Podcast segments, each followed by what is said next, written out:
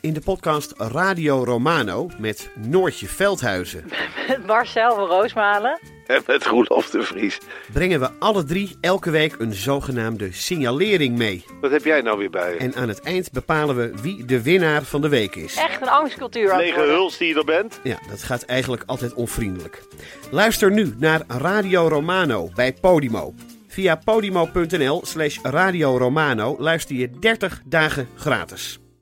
Liegen over een mondkapjesdeal die je hebt gesloten met de overheid. Een deal waarmee je miljoenen hebt verdiend. Dat doet toch alleen Siewert van Liende? Nou, nee. Ik ben Felicia Alberding en in de Mondkapjesmiljonairs duik ik met een team van correspondenten in andere schandalen. Want wist je dat Siewert helemaal niet uniek is? Luister de Mondkapjesmiljonairs in je Podimo-app. Of ga naar podimo.nl slash mondkapjes. En probeer Podimo 30 dagen. podimo.nl slash mondkapjes. De boekenspecial. En we gaan op reis door eigenlijk een beetje de hele wereld, hè? Dit is Betrouwbare Bronnen met Jaap Jansen.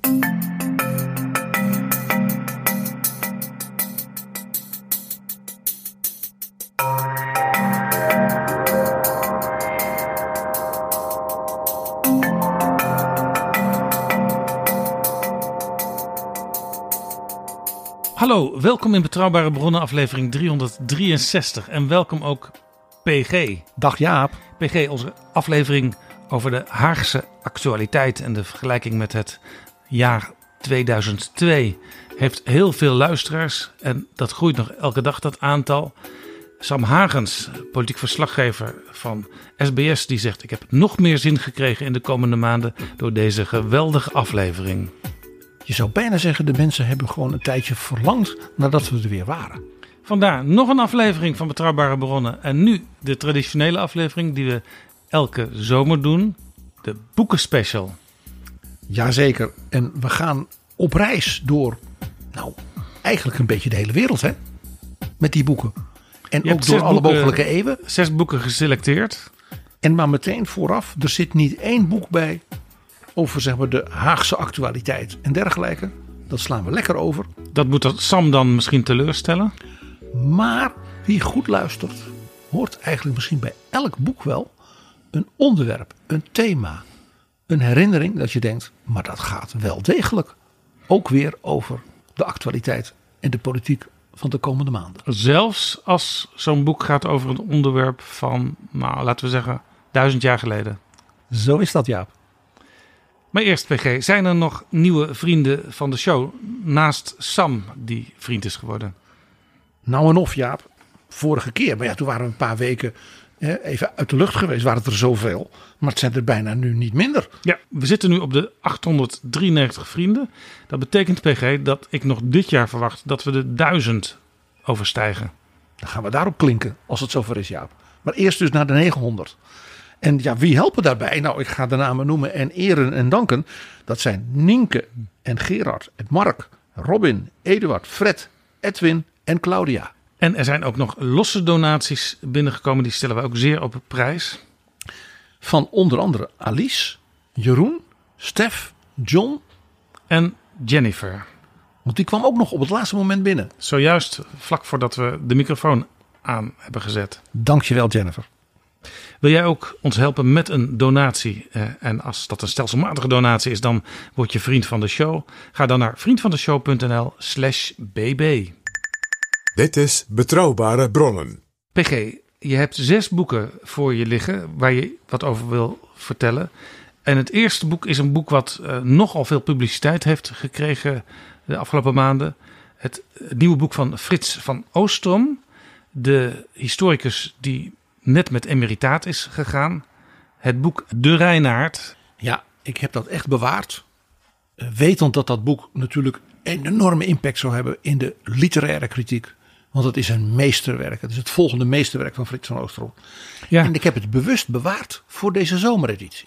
je noemt het een meesterwerk van Frits van Oostrom. Maar De Reinaard is op zichzelf natuurlijk een meesterwerk. eh, Al van heel lang geleden. Geschreven door iemand die we niet kennen, maar die zichzelf Willem noemde. Dus we kennen de voornaam van de schrijver.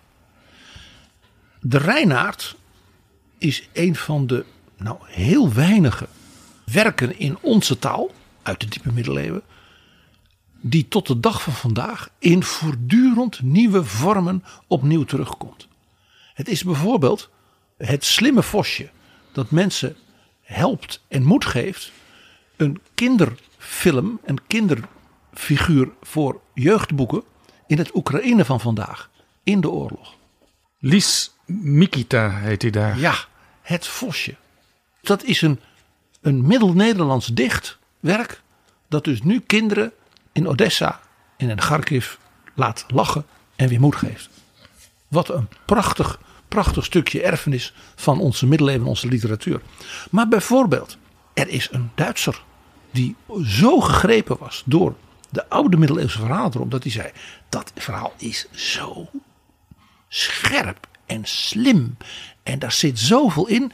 Ik ga daar een eigentijdse Duitse versie van maken. En dat heette dus Reineke Fuchs. En wie was dat? Johann Wolfgang von Goethe. Dus dit, die, die, die Reinaard, die trekt al even met de Europese cultuur mee. En komt aldoor weer op verschillende manieren terug. De schitterende Janacek-opera over het slimme vosje. Een opera uit de jaren 20 is niet te bedenken zonder natuurlijk de Reinaard. En dan heb je het dus over een boheemse Tsjechische opera. Nou, dat geeft wel aan dat de stof van de Reinaard van een ongekende rijkdom is. En bij zijn emeritaat heeft Frits van Oosterom dus ook een afscheidscollege gegeven. Ik mocht daarbij zijn, wat natuurlijk een grote eer was. Daarin heeft hij het boek als het ware gepresenteerd. Ja, er zijn historici geweest die zo'n beetje hun hele werkzame leven aan de Reinaard hebben gewijd. Van Oostrom heeft de afgelopen vijf jaar eraan gewijd. En gedurende zijn werkzame leven eh, af en toe eh, heeft hij zich ermee bezig gehouden. Want het bijzondere is dat heel veel van die geleerden zijn leermeesters zijn. Dus dit boek is behalve een briljante analyse en zelfs hertaling van de Reinaard. Maar ook in feite een soort geschiedenis hoe in de 20e eeuw, en zelfs ook een beetje daarvoor, hier in de Nederlanden men de Reinaard is gaan lezen. Ja, de ondertitel is dan ook Leven met een middeleeuws meesterwerk. Dus het boek van Frits van Oostrom is een meesterwerk, maar het gaat ook nog eens over een meesterwerk uit de middeleeuwen. En hij zoekt natuurlijk ook naar de bronnen. Wat weten we over die Willem? Uh, is hij misschien toch de schrijver ook nog van andere beroemde werken? Maar dat weten we niet precies. En wat heel interessant is, dat hij bijna zeker is uit nou ja, allerlei secundaire bronnen. Dat Willem de, beetje de concurrent was, ook wel bijna in de markt, zouden we bijna zeggen. Van die andere grote middeleeuwse schrijver en dichter. Jacob van Maarland. En waarvan natuurlijk Van Oostrom jaren geleden dat briljante boek schreef dat zelfs de ACO Literatuurprijs won. En hij is er dus achter gekomen dat die twee waarschijnlijk rivalen waren. Ja. En elkaar ook niet mochten. En zelfs misschien zelfs wel tegen elkaar zaten te stoken bij nou ja, opdrachtgevers en dergelijke. En, en er wordt ook wel gezegd, uh, waarschijnlijk was Van Marland zelf iets te braaf om zo'n boek als De Reinaard te schrijven. Want het, het is nogal een boek met dood en verderf erin. Uh, alles menselijke slechtigheden en slimmigheden komen erin voor. Het is dus in dat opzicht een heel uitdagend en ook op een rare manier realistisch boek. Hoewel het dus speelt in de dierenwereld. Ja, je, je had vroeger had je fabels, de raaf en de vos bijvoorbeeld.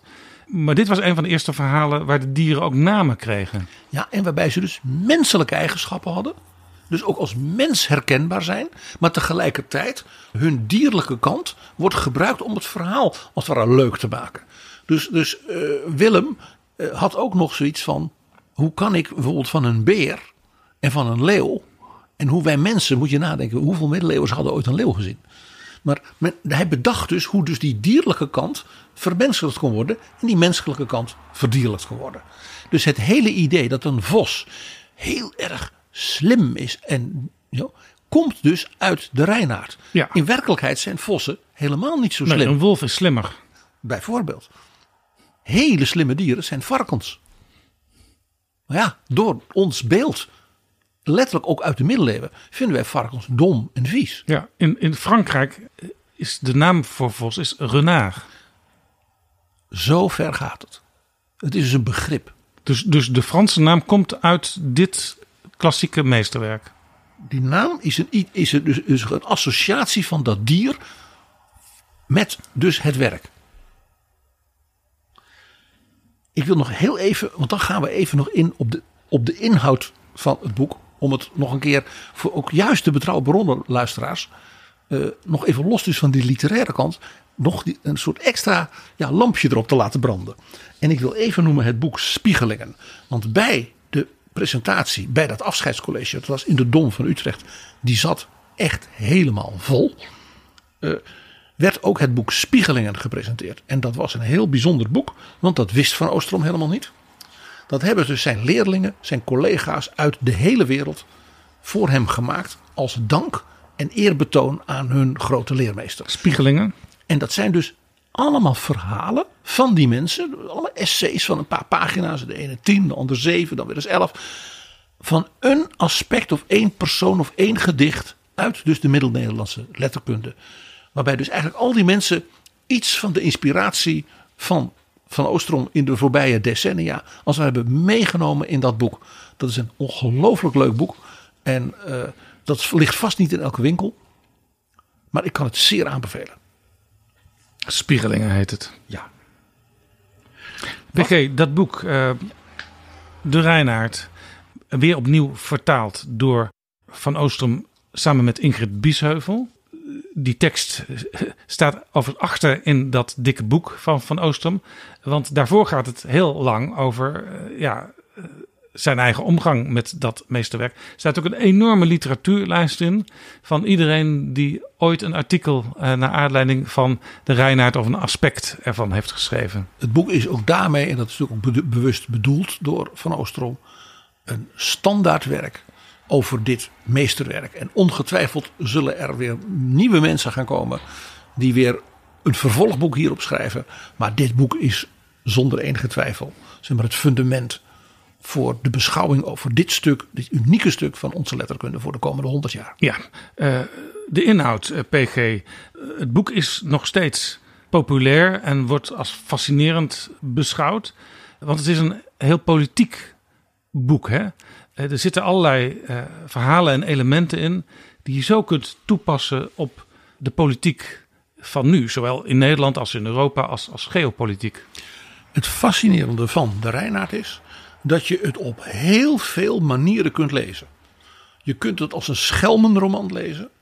Die boef van een vos die iedereen te slim af is. Je kunt het, dat doet Van Oosterom heel duidelijk. Want die kijkt dus naar het milieu waar het uit voortgekomen is. En hij zegt dat is waarschijnlijk een soort grootstedelijk West-Vlaams milieu. Waarin vooral mensen met elkaar in debat gingen, juridisch met elkaar in debat gingen. Dus het was iets van de burgerij. Het was dus niet zeg maar, van de kerk of van de adel. Het was iets uit een soort grootstedelijke omgeving. waarin mensen met elkaar handel dreven. en wel eens een proces werd gevoerd. en dus elkaar slim af zijn. Dat is een element wat heel duidelijk erin zit. Maar ik zeg, er zit nog iets in. Het is een door en door politiek boek. Want die Vos, die is geen onderdeel van het systeem. Hij is een beetje een verschoppeling. Hij is aan de kant gezet. Ja, sterker nog, de andere dieren die komen bij de koning over hem klagen. Als rover en moordenaar. Dus het is iemand die buiten de orde staat. En de koning, de leeuw, die zegt: hij moet voor mij verschijnen. Want dan zal ik laten zien hè, dat ik een rechtvaardig vorst ben.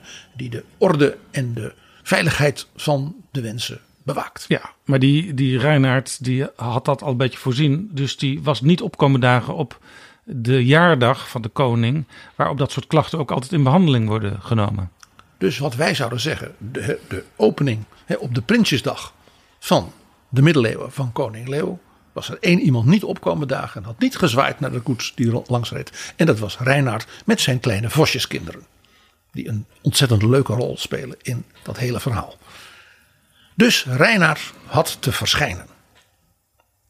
En Reinaard speelt dus een politiek spel met die koning. Want de koning stuurt één op één zijn adviseurs. En dat zijn ander, ander soort dieren. Ja, en die met worden andere eigenschappen. Dus met- wij zouden bijna zeggen, dus woordvoerders van verschillende fracties Ja. aan het Hof worden op Reinaard afgestuurd om hem dus te dwingen of te verleiden Ja. naar de koning te Maar zij worden eh, omgekeerd weer door Reinaard. eh, Gemanipuleerd, gestraft en dergelijke. ja, ze worden verleid, want hij raakt met ze in gesprek. En eh, dan lopen zij één voor één in een speciaal voor hen neergezette val. En elk van die vallen zijn dus precies door hem bedacht voor die Die figuur. zijn echt toegesneden op dat dier wat daar aankomt. Dus op die mens die een dier is. Dus hij, als het ware, hij maakt dus gebruik van bijvoorbeeld de zucht van de beer naar honing. Maar tegelijkertijd is het een manier om te laten zien hoe je dus een iets te gulzige, niet zo slimme adviseur van de koning als wat in de val kunt laten lopen. Dus het is en een dierenverhaal ook weer en dus heel politiek. Dus hoe, hoe bespeelt de vos de, de, de boodschappers van die koning. En ze gaan dan dus allemaal weer terug. En dan denkt de koning, ja, wat is dat nou? Dan stuurt hij een ander. Die wordt ook weer ingepakt. Maar weer op een andere manier. En uiteindelijk verschijnt de vos zelf. Ja. En vervolgens wordt ook de koning ingepakt. En het fascinerende is dat dus de, de outlaw wordt de inlaw. Ja, hij wordt de belangrijkste adviseur van de koning. Het is Terwijl dus hij een- eigenlijk moest verschijnen om waarschijnlijk eh, ja, zware gevangenisstraf te krijgen. De galg was al voor hem klaargezet. Door zijn vijanden. Dus hij speelt een ragfijn politiek spel. Door dus die adviseurs van de koning één voor één. Als het ware onmachtig te maken en tegen elkaar uit te spelen. Om vervolgens dan bij de koning te zeggen: Ja, majesteit, ja.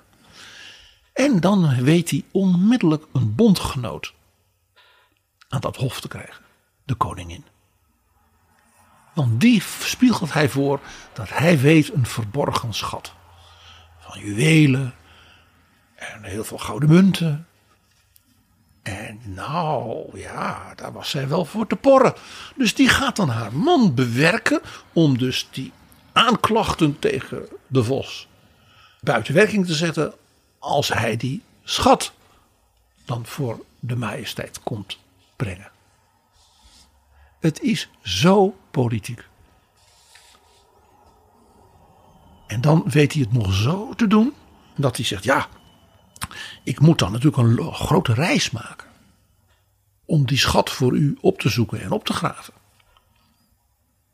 Dus ja, dan moet u mij toestaan dat ik toch even nog terug ga naar huis. Want ja, mijn vrouw en mijn kleine vosjes, die weten dat niet. En majesteit, ik wil natuurlijk zo snel mogelijk dat voor u halen. Dus dan moet ik even mijn gezin snel informeren. En dan kan ik op pad. En dat, die reis was meteen een soort pelgrimstocht. Dan zou hij onderweg dus heel veel boete doen voor zijn zonden. Zodat dan die processen tegen hem, Ja, om al die slechte Die, dingen. in feite waren die overbodig geworden. Hij had al zelf boete gedaan. Wat nobel, wat vroom. Ja, dit is dus ook een soort satire op de kerk. Het is ook een satire op hoe de politici van die tijd. net zulke schurken waren als die van daarvoor en daarna. Maar ja, natuurlijk in het Europa van die tijd. natuurlijk wel binnen het normenstelsel. Van wat wij zouden zeggen de katholieke kerk. moesten opereren. Ja, jij zegt, het komt uit West-Vlaanderen. Eh, het gaat natuurlijk ook over hoe je gebruik maakt en ook misbruik maakt van regels en regels ook omzeilt. En dat is tot op de dag van vandaag in eh, België eh, ja, Ja. een soort volkssport. Schaam je. Want ehm, je, hebt daar, doen dat je, hebt daar de nee, maar je hebt daar de federale regering en je hebt de, de regionale regering. Je hebt in België, en dat is wel heel erg de Reinaard, heel veel koningen leeuw.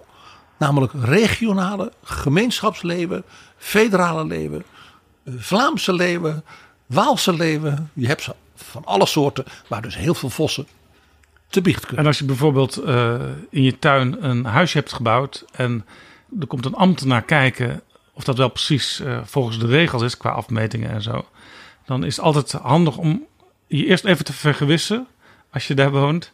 Of het eentje van de federale regering of van die andere regering is. Van het Want dat kan, gewest. kan weer hele andere gevolgen hebben. dus een hof met een koning die te manipuleren is, daar hebben ze er in België dus veel van. Dat is eigenlijk dus, misschien wel onbedoeld Jaap, een eerbetoon natuurlijk aan de Vos en het verhaal van de Reinaard. Ja. Nou, dus wat doet hij?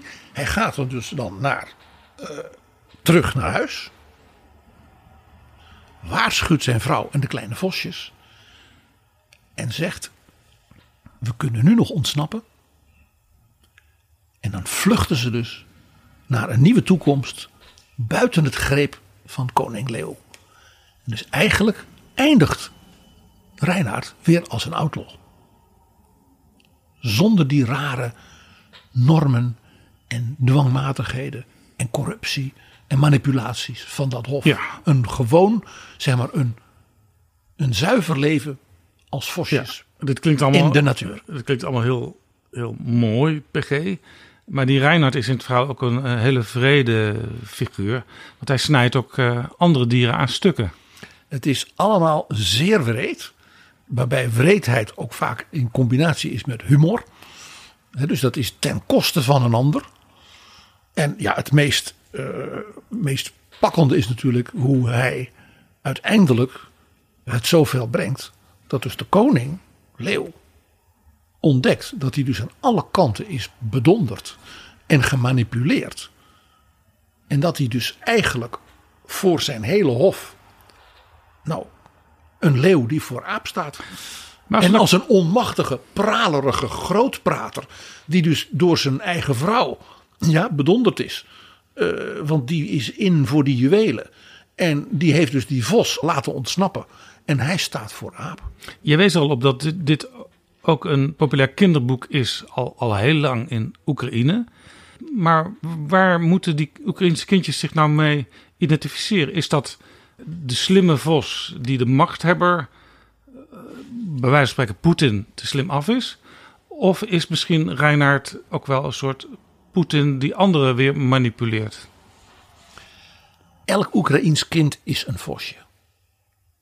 Dat je dus die heerser daar in het Kremlin, de tsaar, Stalin, nu Poetin, dat je hem niet alleen te slim af bent, maar dat je ook nog daar plezier aan beleeft en dat je dus in alle narigheid ook nog een stukje vrolijkheid hebt. Want dat is het bijzondere daarvan. Een van de meest opvallende dingen is dus dat het, de Reinaard vol humor zit. En dus ook heel veel literaire humor. Waaruit blijkt dat het publiek voor, waar het voor bedoeld was. Dus alle mogelijke eh, toespelingen en grappen begreep. Dus het was ook een soort in-crowd verhaal. En dat is ook heel leuk dat eh, Van Oostrom dus graaft in dus die middeleeuwse letterkunde. Dat hij zegt van kijk die grap. Dat was vooral natuurlijk vooral de mensen te begrijpen. Die bijvoorbeeld dat andere beroemde middeleeuwse verhaal kenden. Dus het bevat dus ook allerlei verbindingen met andere bekende verhalen die men in die tijd aan elkaar vertelde. Ja, er zit bijvoorbeeld ook een, een, een hondje in dat eh, Franstalig is en ja, die niet zo heel slim blijkt te zijn. En zou dat nou in het België van vandaag door niemand begrepen worden? Ja, het is van een ongekende rijkdom. Het is een verrukkelijk boek. En dat is natuurlijk het allermooiste wat er is. Dat je kan zeggen dat het literair meesterlijk is. Dat het genot is om te lezen.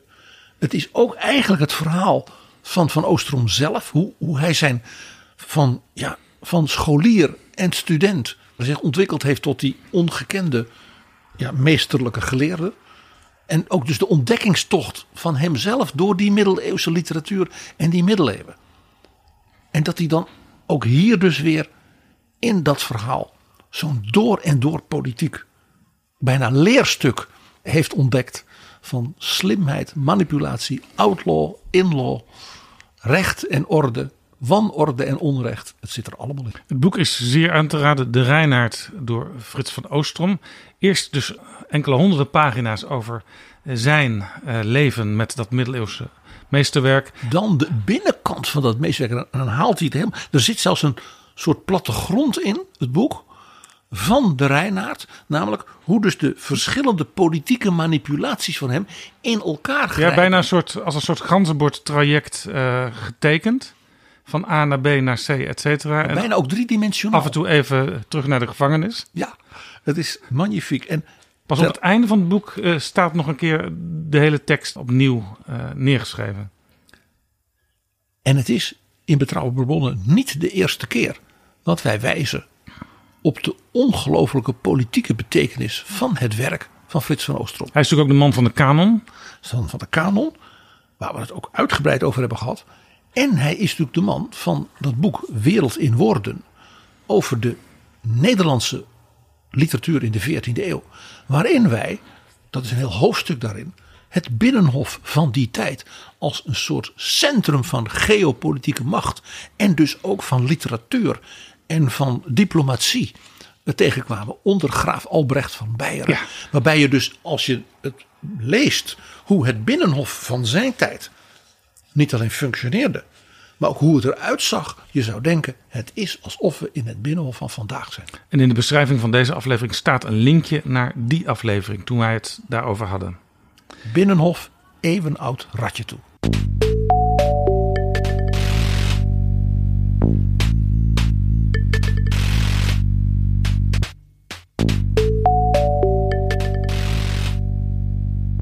PG, van de Nederlanden in de middeleeuwen gaan we naar de DDR.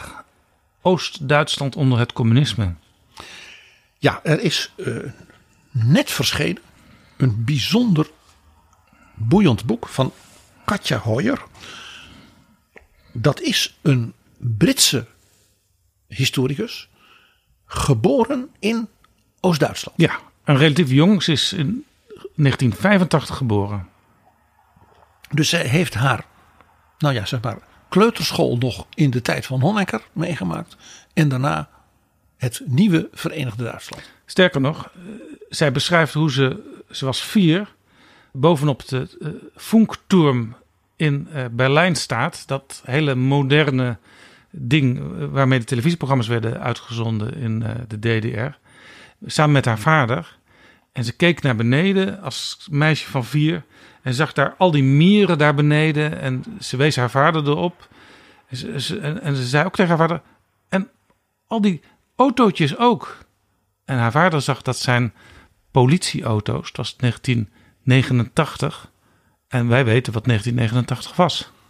Zij was daar bij de eerste grote demonstraties voor vrijheid en mensenrechten in Oost-Berlijn. En daarom dat haar vader, die een officier was van de Nationale Volksarmee. Ja, hij zat bij liever, de luchtmacht. Daar maar liever niet aan haar ging uitleggen wat daar nou aan de Sterker was. nog, hij trok haar mee naar de lift. Zij protesteerde nog. Hij wilde onmiddellijk naar huis, want hij dacht er is iets niet pluis. Uh, misschien moet ik ook zo wel uh, aan de slag. En dit geeft dus aan hoe de levens van mensen in West- en in Oost-Duitsland tot de dag van vandaag dus worden getekend door die geschiedenis. En dat is natuurlijk iets wat we al even zien als we het hebben over Duitsland, de Duitse politiek en de Duitse cultuur. Als die ook regelmatig bij ons in deze podcast aan de orde komt. En Katja Hoyer heeft een boek geschreven, Achter de muur, Oost-Duitsland 1949-1990. Waar ze met behulp van heel veel bronnen, maar vooral ook met gesprekken uh, van mensen die het allemaal hebben meegemaakt. Want het voordeel natuurlijk is van de val van de muur. De meeste getuigen die leven nog. De mensen die machtig waren in de partij en de Stasi en dergelijke in de DDR. Die zijn natuurlijk zo langzamerhand bijna wel allemaal dood. Uh, uh, maar de generatie daaronder, zal maar zeggen, hun, hun assistenten en dergelijke, die zijn nu oudere mensen. Dus hij heeft met heel veel van die mensen dus nog kunnen praten. Ja, ze heeft nog gepraat bijvoorbeeld met Egon Krenz, de laatste partijleider van de DDR, die tamelijk onvindbaar leefde uh, ergens in het land. maar via via heeft ze hem toch kunnen bereiken. Eigenlijk door het schrijven van een ouderwets brief. De timing van het boek is overigens heel bijzonder.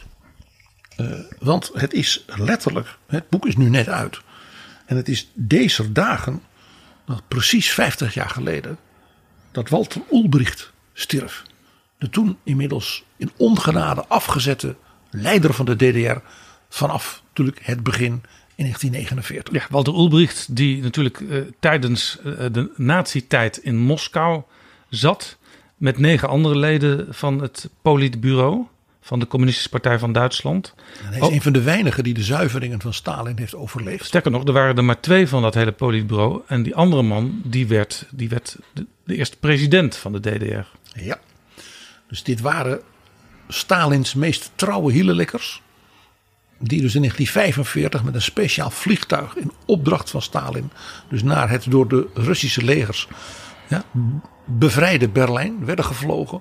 Om meteen een zeg maar, communistische beheersingsstructuur op te bouwen. Ja, maar Stalin die, die riep ze wel af en toe tot de orde. Eh, want bijvoorbeeld het woord socialisme en het woord communisme, dat mochten ze eigenlijk niet gebruiken. Want dat zou te duidelijk zijn.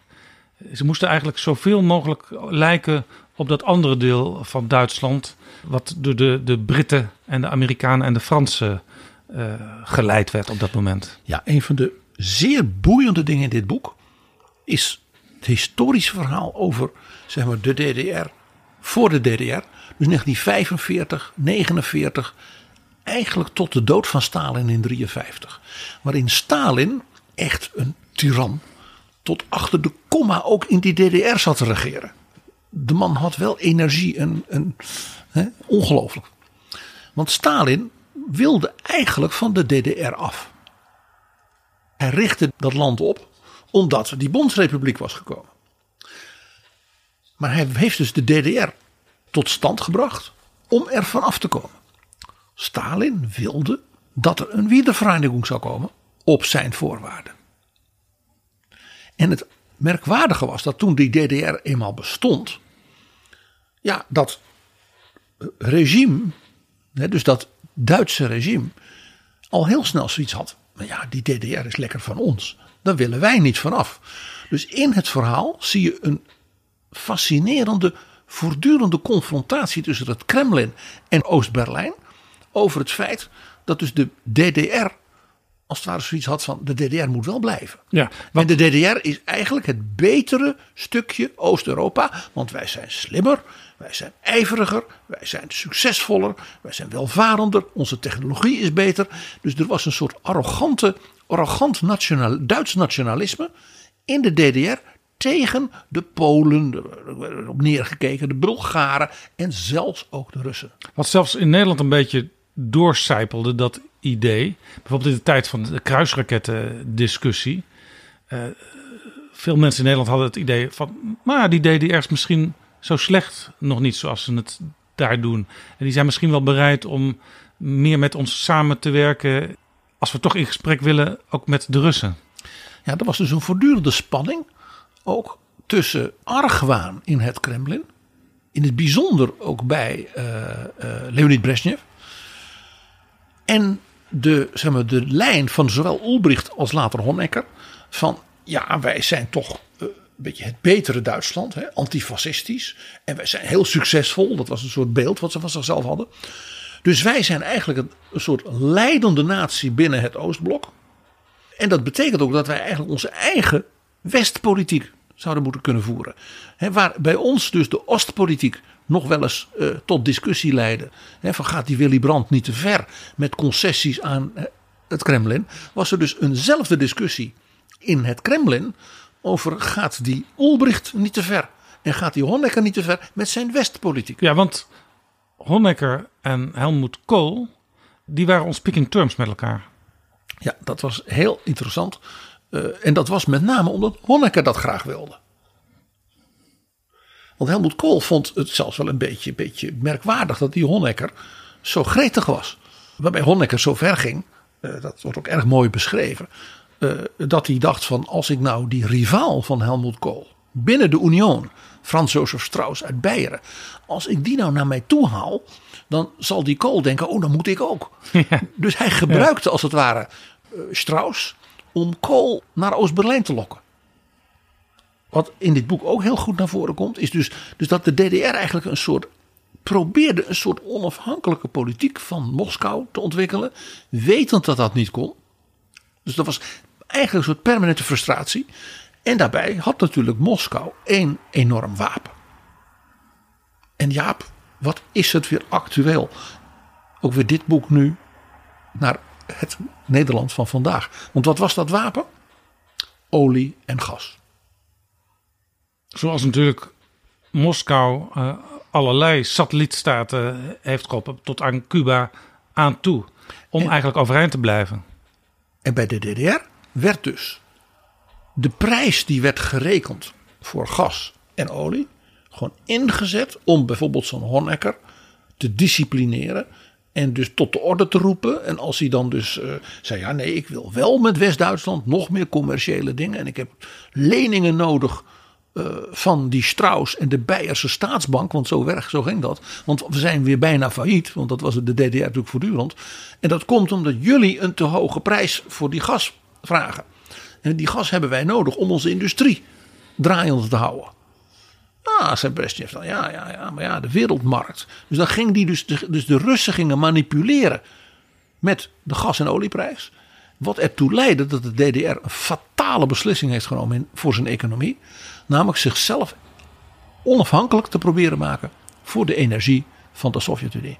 En dat gingen ze dus door bruinkool massaal te gaan stoken. Het dus leidde tot die verschrikkelijke milieuvervuiling. Want bruinkool is natuurlijk, heeft een hele lage energiewaarde. Dus je moet heel veel van dat spul verbranden voor dezelfde hoeveelheid en daar energie. tot op de dag van vandaag nog last van. En dat is iets wat natuurlijk de DDR uh, zwaar heeft getroffen. Want daardoor hadden ze dus in feite een te lage energiefactor in hun economie. En konden ze dus die economie ook onvoldoende moderniseren. Katja Hoyer ging in gesprek met mensen die het allemaal hebben meegemaakt. Veel ex-DDR-burgers die hadden als eerste reactie: ja, ik heb een nogal gemiddeld saai leven. Wat kan ik jou nou vertellen? Zijn ook vaak een beetje wantrouwend naar, naar journalisten bijvoorbeeld. De media in het Duitsland van nu zijn, zijn ook nog steeds in handen van Westies. Maar een paar procent van de hoofdredacteuren komen oorspronkelijk uit het oosten. Angela Merkel kwam natuurlijk uit het oosten, maar zij was echt een uitzondering in de, in de politieke elite. En president Joachim Gauck.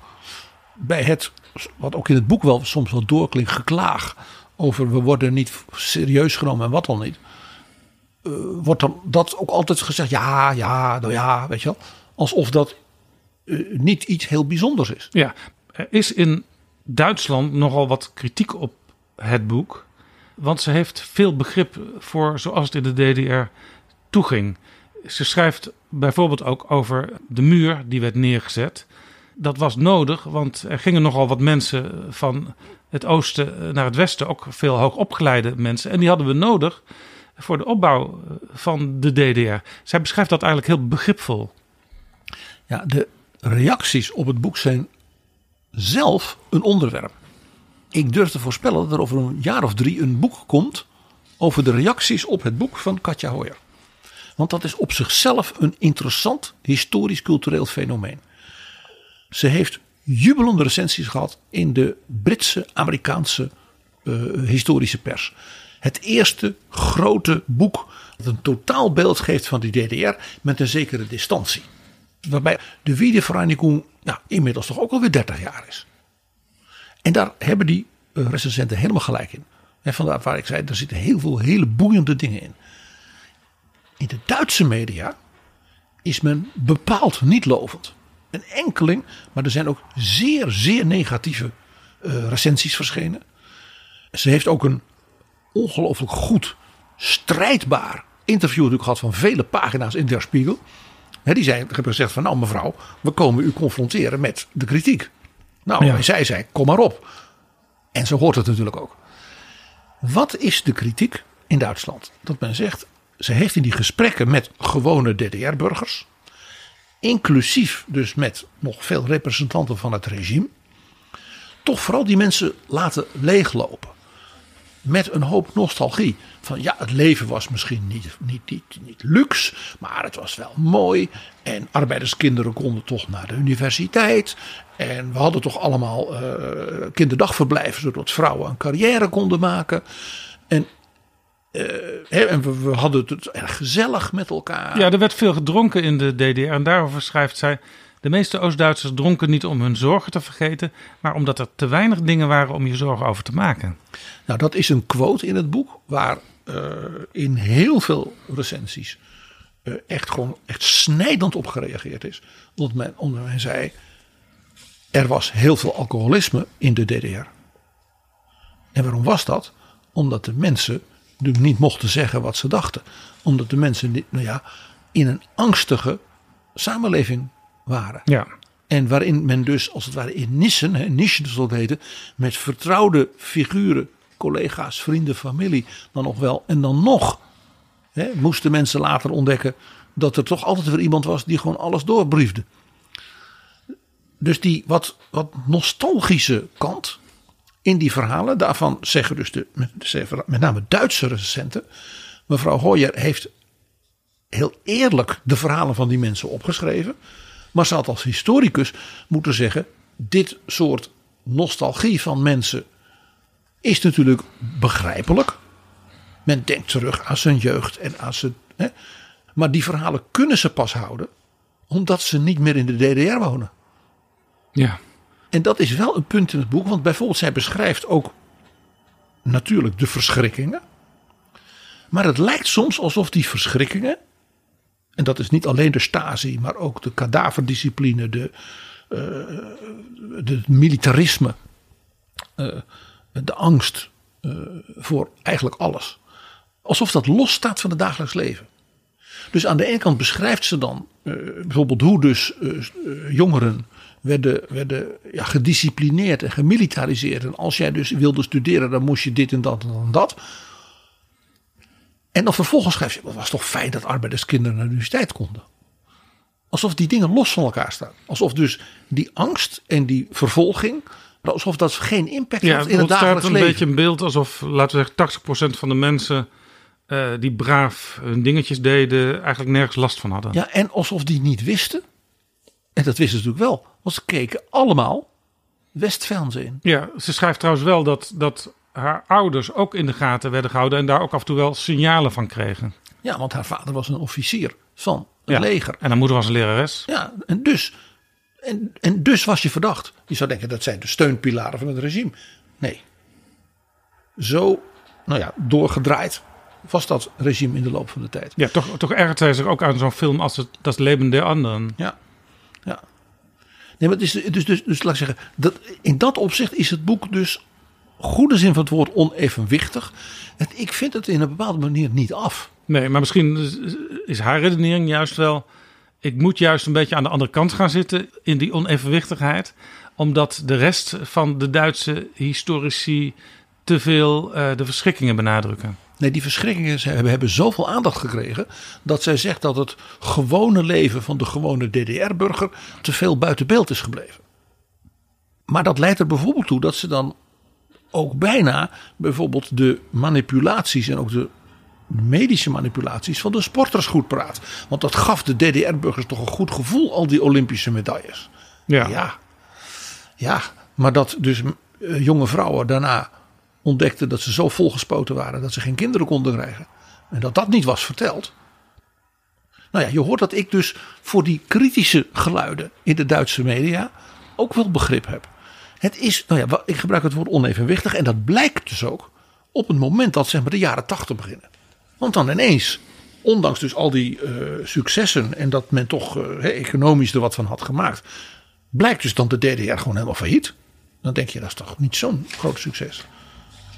En dan blijkt ineens, eh, ja, die Honecker en dat regime, dat is natuurlijk allemaal eh, ja, oude mannen die, waar geen idee meer in voorkwam. En waar, eh, die natuurlijk eigenlijk allemaal ook corrupt waren. ja dat, dat, dat beschrijft ze wel enigszins. Maar de, als, als de mensen het allemaal nog zo gezellig hadden en het toch eigenlijk zo'n fijn leven was, dan is het merkwaardig dat dus zo'n massaal men dus probeerde weg te komen. Ja. ja, ze zegt, als er nou meer eh, jongeren in eh, de top van de politiek hadden gezeten, dan was er misschien wel wat sneller gemoderniseerd. Zoals ook, eh, zegt zij, de FDJ, de Vrije Deutsche Jugend, die oorspronkelijk als een soort tweede Hitlerjugend op het toneel kwam, ook zeg maar in de jaren 60, 70 eh, aan popmuziek ging doen, aan muziekfestivals, et cetera, om de jongeren er toch maar bij te houden.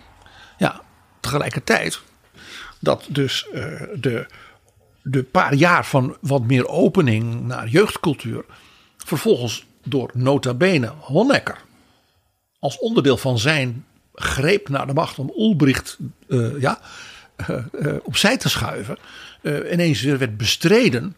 Hè, en toen heeft onder andere Olbricht in een toespraak gezegd dat we moesten dus optimistische, moderne jeugd hebben.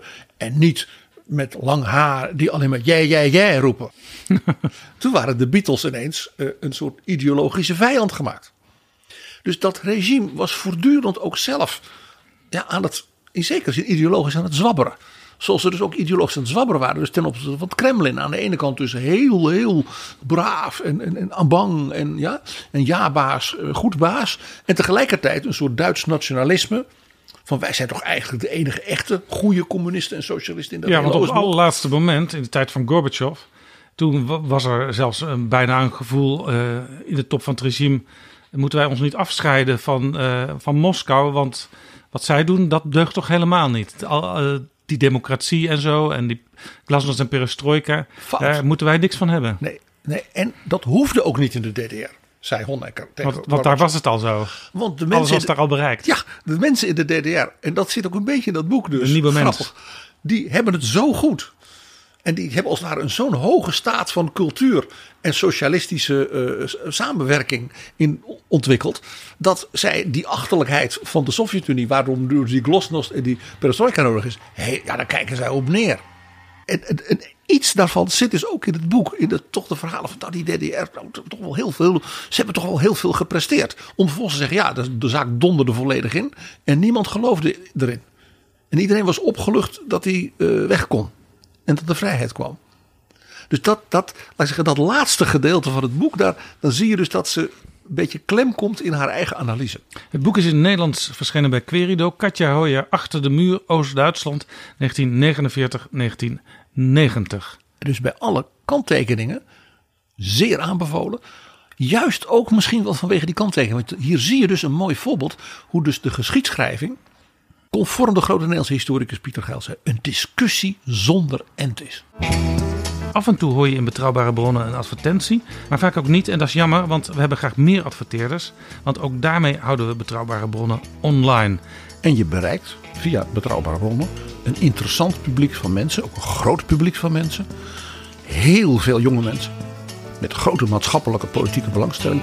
En natuurlijk, ja, ik zeg het een beetje eh, ondeugend, Jaap. De decision makers van Nederland en in Brussel. Stuur een mailtje aan adverteren.dagenacht.nl en dan neemt de reclameafdeling van Betrouwbare Bronnen, ja ja, neemt dan contact met je op. Adverteren, apenstaart, dagenacht.nl PG, we gaan naar een jaar of tien eerder in de geschiedenis, maar op een heel andere plek, namelijk het Verenigd Koninkrijk, met een boek van Dominic Sandbrook, Who Dares Wins. En Dominic Sandbrook, dat is een historicus die echt een soort huts geklutst verhaal maakt van een aantal jaren uit de geschiedenis met ook veel popmuziek erin. Want hij heeft het over zeg maar, het einde van de jaren 70, begin van de jaren 80. Ja, het is het laatste deel in een serie over de geschiedenis van het Verenigd Koninkrijk. Na de Tweede Wereldoorlog. Het verval van het empire. En hoe dus dat Verenigd Koninkrijk zichzelf ja, weer moet vinden. Moet heruitvinden. En het is dus, hij zegt het zelf ook, van Suez tot de Falklands. Ja, En dit tijd. laatste deel, Who Dares Wins, is over dus de, het aantreden van mevrouw Thatcher tot en met de Falklandoorlog. En eh, is dat een citaat van Thatcher? Who dares wins? Who Dares Wins was het motto van de SES. Dus de antiterreurbrigade. Die zo dapper waren. En mevrouw Thatcher was helemaal dol op die kerels. Dat waren haar jongens. Who dares wins. Wie durft wint. En eigenlijk zegt hij, was dat natuurlijk ook het motto van mevrouw Thatcher zelf. Hoe je als vrouw, ongeveer als enige vrouw, ja, daar in die politiek gewoon zegt: ik ga een totaal ander, bijna, bijna radicaal beleid voeren. En ik ga winnen. Dus zij zag zich bijna als een soort eenmans antiterreurbrigade. Ja, het was ook het begin, zou je kunnen zeggen, van het neoliberalisme. Ja, dus hij eindigt ook bewust met de grote overwinning van Thatcher, de Falklandoorlog. En dat, dat ze dan tegen alle voorspellingen in, dus die verkiezingen van 1983, dus zo enorm wint. Want tot en met die Falklandoorlog waren dus de peilingen waren verschrikkelijk. Eh, men wist toch ongeveer zeker, Jaap, dat een heel nieuwe partij, de Alliance, zou die verkiezingen huishoog gaan winnen. Want die extreem linkse Labour Party van die tijd, ja, die was unelectable. En die Thatcher, ja, die was zo radicaal. Eh, het fatsoenlijke, nette, burgerlijke midden van Engeland zou allemaal voor de Alliance Party gaan stemmen. Nee dus. Het is zoals ik al zei het laatste deel in een serie. Het begint dus met de collapse van Engeland als grote mogendheid. Met de Suez-crisis in 1956. En wat hij dan doet is dat hij dan zegt dat leidde dus tot een enorme soort identiteitscrisis. Van wat zijn we nou nog? We zijn dus geen superpower meer. Dat zijn er maar twee. Dat idee, dat moeten we kwijt. Die koloniën kunnen we niet meer betalen. Dus we gaan dat allemaal afstoten. Maar wat, wat blijft er dan over? Een eilandje zo voor de kust van de Benelux. Nee. Dus dan zie je een soort culturele herontdekking van de Britten van zichzelf. Wat dus leidt tot de Beatles. Tot, je zou zeggen, het hippe Engeland van de jaren 60. Ja, en in de periode waar het boek over gaat, zo rond 1980, dan hoor ik vooral veel synthesizers met muziek van bijvoorbeeld Depeche Mode, The Human League, Duran Duran. Blondie had je natuurlijk ook in die tijd. Talking Heads, The Cure. Ja, jij kent ze allemaal, Jaap. Eh, ik heb dat allemaal moeten lezen in die boeken. Om te denken, wie zijn dat? Nou, eh, wat hij dus ook heel interessant laat zien in dit boek... is dat dus die periode, tweede helft jaren 70 doorgaand naar de jaren 80. Dus een periode van grote economische crisis. De, de, de drie, drie dagen in de week dat mensen konden werken, want dan was er stroom. Uh, de, de, stakingen, de totale collapse van de regering van Ted Heath. Uh, de collapse van de daaropvolgende regering Labour van Jim Callaghan. Waarvan men dacht, die zal met die vakbonden wel kunnen. Ook niet. En elke keer moest dan de minister van Financiën weer in een spoedvliegtuig naar het IMF in Washington. Om te smeken om nog weer een lening om te voorkomen dat Engeland failliet ging. En zo was het. In de cultuur leidt dat dus tot dat dus die optimistische, vrolijke kant van de eerste helft van de jaren 60 was een beetje voorbij. Ja. Er kwam dus toen een soort, ja, nieuw soort, ja, punkachtig, maar ook de New Romantics. Er ontstond dus een soort nostalgie naar het Engeland van vroeger. Dat is een van de meest interessante dingen in dit boek, Who Dares Wins. Dus de combinatie van Thatchers beleid van modernisering door in feite laat dan al die oude fabrieken die gewoon niet meer te handhaven zijn, de autofabrieken, de mijnen, laat ze maar allemaal kapot gaan. Want dat was in feite wat er gebeurde. Ja, ik zie nog die grijze muren vormen met daarop gekalkt No Future. Precies. Dat dat eh, dus in de cultuur gecombineerd werd met een soort nostalgie naar een mooi soort Engeland, misschien zelfs een beetje het Victoriaanse Engeland. Het Engeland van de jaren twintig van de mooie buitenhuizen, de dames in prachtige kleding, de romans. Brideshead Revisited. De televisieserie Brideshead Revisited is in dit boek dus het symbool van dus die nostalgische kant. Waarbij men als het ware zegt, toen waren we nog iets. Tegelijkertijd is natuurlijk ook een hele tragische geschiedenis. Het is ook een hele, het zijn ook mensen die kapot gaan in dat, in dat boek. En het is dus heel interessant dat dus die tv-serie zo'n ongekend succes was. De mensen bleven er echt voor thuis. Het werd ook in de hele wereld vervolgens uitgezonden. En wat is het? Het is dus een televisieserie die speelt in de jaren 20, jaren 30. Onder de jeunesse dorée van Oxford en de adel. Ja. En het is een roman van Evelyn Waugh uit 1945. En dat was dus zijn besef dat met het eind van de Tweede Wereldoorlog die hele dat tijd voorbij was. en ook zijn jeugd voorbij was. En dat dus het feit dat Evelyn Waugh in de jaren daarvoor dus een grote geestelijke ja, crisis had doorgemaakt. En daarin ja, was uh, bekeerd tot het katholicisme. Is dus een onderdeel van die roman. Die roman is dus ook in feite een bekeringsroman. Dat element zit dus ook in die, in, zeg maar, in die tv-serie. Ja, iedereen Dus het is kijkt daarnaar. Het is heel ongebruikelijk dat je denkt dat dat zoiets nou zo aanslaat. Ja. Maar hij, Dominic Sandbrook zegt dat heeft dus te maken in feite met de ook geestelijke crisis in Engeland dus van die tweede helft van de jaren zeventig. En dat met mevrouw Thatcher er eigenlijk ook een soort bekering plaatsvond naar moderniteit. En we gaan nu eh, eh, een eind maken aan zeg maar, het Engeland van vroeger. En er komt dus een nieuw, hè, jij zegt dan neoliberaal perspectief. Ja, en Thatcher die keek ook televisie. Tot verbazing van, van, van velen blijkt uit dit boek, want uh, Dominic Sandbrook heeft ook brieven van Thatcher opgediept. Uh, dat ze bijvoorbeeld een brief schreef aan de captain van Liverpool. Uh, na een voetbalwedstrijd die ze had gezien in Match of the Day. Niemand toen wist dat Margaret Thatcher daarnaar keek. meestal zouden politici daar gebruik of misbruik van maken van het feit dat ze iets van voetbal weten. Zij niet. Zij niet. Maar ze schreef een brief. I watched it on Match of the Day, de wedstrijd tegen Manchester United, but without knowing the result. At first, it was agony seeing the near misses. Almost as bad for me watching as you playing, but at least I only had attention for half an hour before getting the result I was longing for. Dus dit schreef ze in een brief aan de captain van Liverpool. Het boek bevat dus ook magnifieke portretten met dit soort dingen van dus de bekende mensen van die tijd. Ja, ze hield ook nog van snoeker trouwens. Daar keek ze ook naar op televisie. Hij beschrijft ook hoe snoeker van een cafésport dankzij de televisie en met name de commerciële televisie ineens een nationaal iets werd. Het kostte namelijk bijna niets om uit te zenden en mensen konden urenlang geboeid kijken, ontdekte dat tv-station en je kon in die pauzes natuurlijk reclame doen.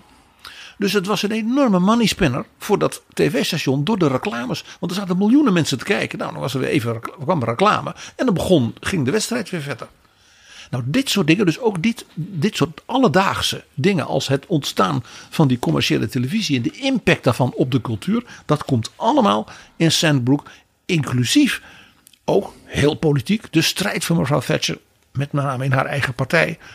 Hij beschrijft zeer kleurrijk de, de gekte en de scheuring en de radicalisering van de Labour Party. Uh, mevrouw Thatcher en Ronald Reagan. Ja, hoe zou je er niet over kunnen schrijven als het over die tijd gaat? Mevrouw Thatcher en Europa. Ze was natuurlijk heel erg pro-Europees.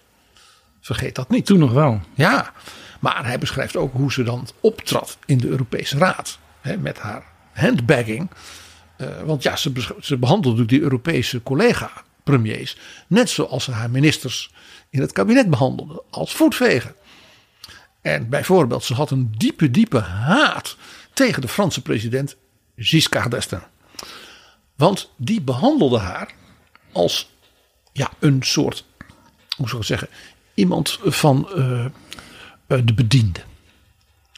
Dus ze was een keer bij hem op het Elysée en toen bood hij natuurlijk een diner aan. En toen was er een klein podest met een tafeltje. En dat was voor hem. En er waren dus andere tafels, die waren iets lager. daar mocht zij aan zitten. Ja. En hij werd ook als eerste bediend. Een enorme gastheer bleek hij dus te zijn, maar vooral voor zichzelf. Daarin riep hij twee dingen in mevrouw Thatcher wakker. Eén, haar afkeer als dochter van een kruidenier uit een eenvoudig milieu van tofs, hè, zoals de Britten dat noemen mensen met een soort aristocratische houding, terwijl ze eigenlijk niks kunnen. De high snobiety. Ja, dat. En haar afkeer natuurlijk van Frans. Dit verklaart voor mij, en dat blijkt ook uit dit boek, waarom toen in 81 Mitterrand president werd. Er dus die merkwaardige, wat flirterige relatie tussen mevrouw Thatcher en Mitterrand ontstond. Ja, daar heb je het al, uh, al vaker over gehad in Betrouwbare Bronnen. Mitterrand was, had dus helemaal niet dat soort allures.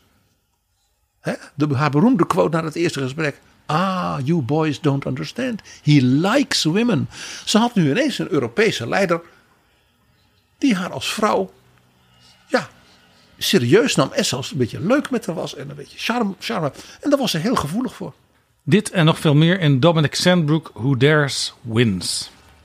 Genieten. En eigenlijk moet je die hele complete serie vanaf Suez dat eerste boek heet You Never Had It So Good. Prachtige titel hè, van premier Macmillan. Waarvan iedereen zegt dat was zijn verkiezingsleus. Hij onthult in dat boek dat dat helemaal niet waar was. Dat is een door een journalist aan hem toegeschreven uitspraak. Die hij dus nooit heeft gedaan. Maar Macmillan was zo slim om te zeggen. Als dat zo aanslaat. Dan ga ik dat dus niet ontkennen. Dat ik dat gezegd heb.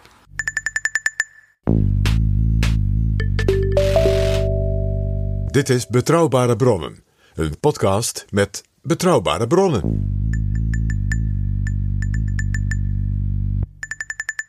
We slalommen door de geschiedenis, want het, het vierde boek waar je wat over wil vertellen, BG, is van Karl Schleugel.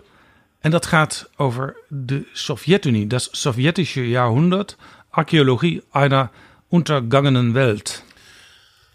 Die ondertitel alleen al. Dus een boek, het is dus archeologie, dus hij gaat opgraven naar een verdwenen wereld. Het is overigens ook eh, in het Engels verschenen bij Princeton, The Soviet Century, Archaeology of a Lost World. Juist, A Lost World. Prachtig vertaald. Ja, ik heb in jaren niet zo'n briljant en meeslepend boek in de cultuurgeschiedenis gelezen. Eh, ik zal maar zeggen, de, de- je, je weet het boek over, van Andrea Wolf over Alexander van Humboldt. Hè, wat ons ook al jaren begeleidt in Betrouwbare Ja. Waar ik ook vaak naar verwijs. Omdat dat zo'n ja, belangrijk boek is. Met een nieuwe blik op het verleden. Dat geldt voor dit boek van Karl Schleugel. Kan dat? Kun je over de Sovjet-Unie nog veel nieuws te berden brengen? Het boek is heel dik. Je waat door die cultuur en die gebeurtenissen. Je leest alleen maar nieuwe dingen. Want wat heeft hij gedaan? Het is dus geen boek over. En toen kwam Lenin. En dat was, ging, gebeurde dit. En toen Trotsky. En toen kwam Stalin. En dat was een schurk. En toen was het oorlog.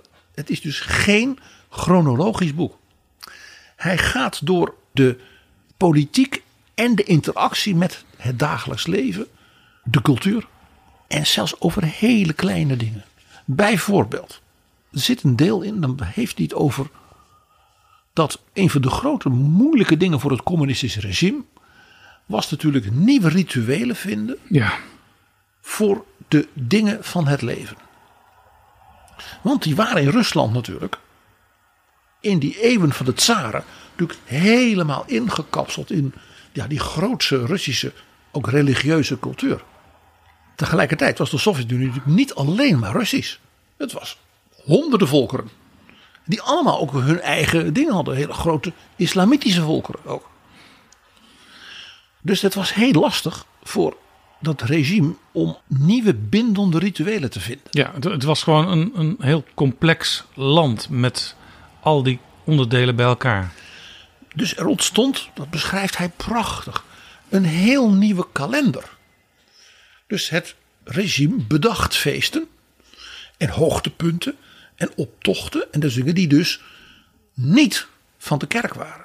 Niet van de tsaar. Maar ja, je moest ze wel zo over het jaar verspreiden dat mensen niet zeiden van ja, waarom mag ik geen Pasen meer vieren in het voorjaar?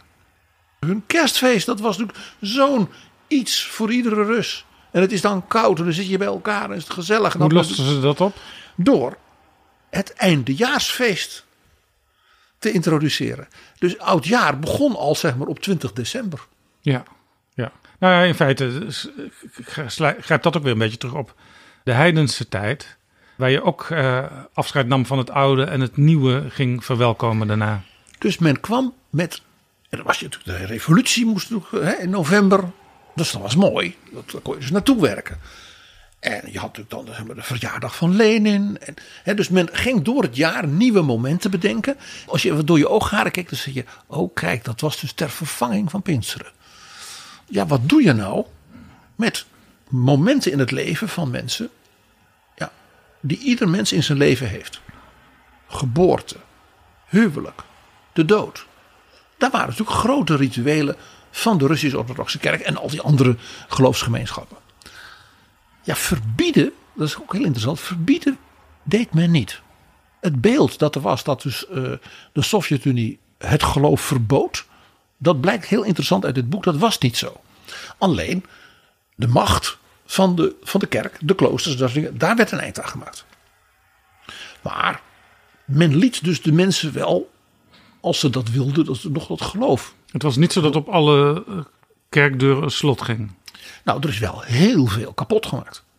Onder Stalin is bijvoorbeeld een bepaalde periode was er zo'n zo'n anti-godsdienstcampagnes. Die waren er ook regelmatig, ook bijvoorbeeld onder Khrushchev. Eh, onder Stalin is er een geweest van eh, er moet een eind worden gemaakt aan al dat klokkengelui. Dus alle klokken in Rusland moesten worden ingeleverd en omgesmolten. Daar zijn dus enorme demonstraties geweest van dus gelovige Russen Ja. tegen het regime. konden ze kanonskogels van dat, men tegen- dat men dus gewoon zo'n klooster dan omringde met mensen om te verhinderen dat dus de KGB de, de klokken kwam stelen. Er zitten ook foto's in dat boek van wat er dan gebeurde. Ik moet zeggen dat ik dat bijvoorbeeld niet wist, hoe heftig dat was. Wat ik zelf een heel mooi voorbeeld vind, is eh, men wilde dus een modernisering natuurlijk van het leven. En dus voorbij godsdienstige rituelen. Dus gepromoot moest worden de crematie. Dat was modern, dat was schoon. Al dat gedoe met de mensen in de hemel, dat is niet meer zo. Speelde er ook mee dat het in het Westen nog geen gemeen goed was, cremeren? Nou ja, in, de, in Rusland natuurlijk helemaal niet. Dat was in de handen van de kerk. Dus Ja. cremeren gebeurde niet. Dus het invoeren van crematie was dus een soort modern socialistisch soort omgaan met de dood. Maar ja, de rituelen daaromheen zijn natuurlijk altijd wat, wat, wat, wat ja, eenvoudig. En ja, één ding wat de Russisch-Orthodoxe kerk kon, dat was rituelen. Wat is er toen gebeurd? Men heeft dus in Moskou toen een soort centrale staatscrematorium geopend. Aan de rand van de stad. Enorm gebouw met een grote toren. Dat was een hele moderne kathedraal. Die zeg maar in 1917 bijna klaar was. Ah, En die dus nooit in gebruik was genomen. En die is dus omgebouwd tot zeg maar, het Sovjet-crematorium. Dus ook alle partijleiders die werden daarheen gebracht hè, met een optocht. Het was binnen natuurlijk een soort moderne kerk. Dus de, de, zeg maar, de mozaïeken werden een beetje aangepast. Maar dat was dus een zeer indrukwekkend modern gebouw. En daardoor werd dus de crematie een soort modern, heroïsch ritueel. ja. Nou, dit soort dingen, daar zit het boek dus helemaal vol mee. Met dit soort verhalen, dat je denkt, oh. En ook dat je dus bijvoorbeeld ineens gaat begrijpen dingen die je in het politieke verhaal leest, zonder die verbinding met het dagelijks leven. Bijvoorbeeld de Gulag-archipel. Hij zegt, je kunt die heropvoedingskampen, want dat waren het officieel, niet begrijpen als je niet snapt dat het regime in zijn ideologie zei: als je de onderbouw verandert, dan verander je de bovenbouw. Conform Marx. ja. Dus mensen die geen goede proletarische mentaliteit hebben, die moeten dus worden heropgevoed. En hoe doe je dat? Door hard te werken. In een socialistische, gedisciplineerde omgeving. Dus de Gulag-archipel werd beschouwd als een groot sociaal project van educatieve, nobele vorming. Dus het ontwerpen en het maken en het bouwen en beheren van de Gulag-archipel was dus een nobel werk dat die mensen die daarheen werden gestuurd ging redden. Ja, ze werden in feite geholpen, want ze, ze waren blijkbaar wat te traag van begrip. En daar konden ze echt eh, de ware lijn vinden. Ze werden dus uit hun omgeving gehaald, uit hun gezin, uit hun hè, misschien wel eh, toxische omgeving. En werden dus door Stalin en de KGB en de partij nieuwe mensen gemaakt. En daarmee dus nieuwe ook iconen van het socialisme. Ja. Het idee was dat als ze dan uit naar buiten kwamen, dan waren ze dus een nieuwe mens. En daarmee een voorbeeld, ja het is ongelooflijk, een voorbeeld voor de andere arbeiders. Klaus Schleugel beschrijft het dagelijks leven. Eigenlijk net als Katja Hoyer. Hij heeft ook met mensen gepraat. Eh, Heeft hij net als Katja Hoyer ook wat meer begrip voor het soort land wat het was, de Sovjet-Unie? Wat hij ongelooflijk laat zien is de onverwoestbaarheid van de Russische cultuur, de, Russische, de volkeren, dat ze, ja, dat ze het overleefden. De ongelooflijke weerbaarheid. Dat men ook, natuurlijk ook de Tweede Wereldoorlog, die verschrikkelijke zuiveringen, de repressie, dat het altijd toch weer de cultuur, het, de liefde voor het leven. Bijvoorbeeld dat Stalin, wist je dat Stalin, om te laten zien dat het leven nu mooi werd onder het communisme, dat Stalin een speciaal kookboek voor communisten heeft laten maken.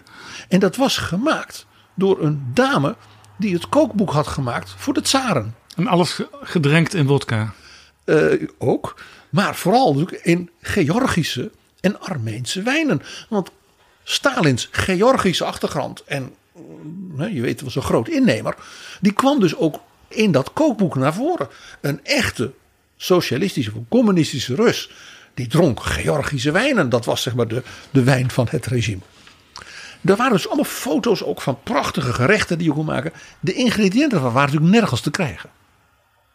Maar iedere Rus had ongeveer dat kookboek. Er zijn er miljoenen van verkocht. Want daarin bladeren en naar kijken, dat was dus als het ware de belofte hoe dat regime dan ooit dat soort welvaart en rijkdom zou brengen. In de nadagen van de Sovjet-Unie was ik daar en het voedsel was niet echt om naar huis te schrijven. Bijvoorbeeld eh, het brood was, ja, was gewoon soort roggebrood, maar wat dan twee maanden buiten had gelegen, bij wijze van spreken.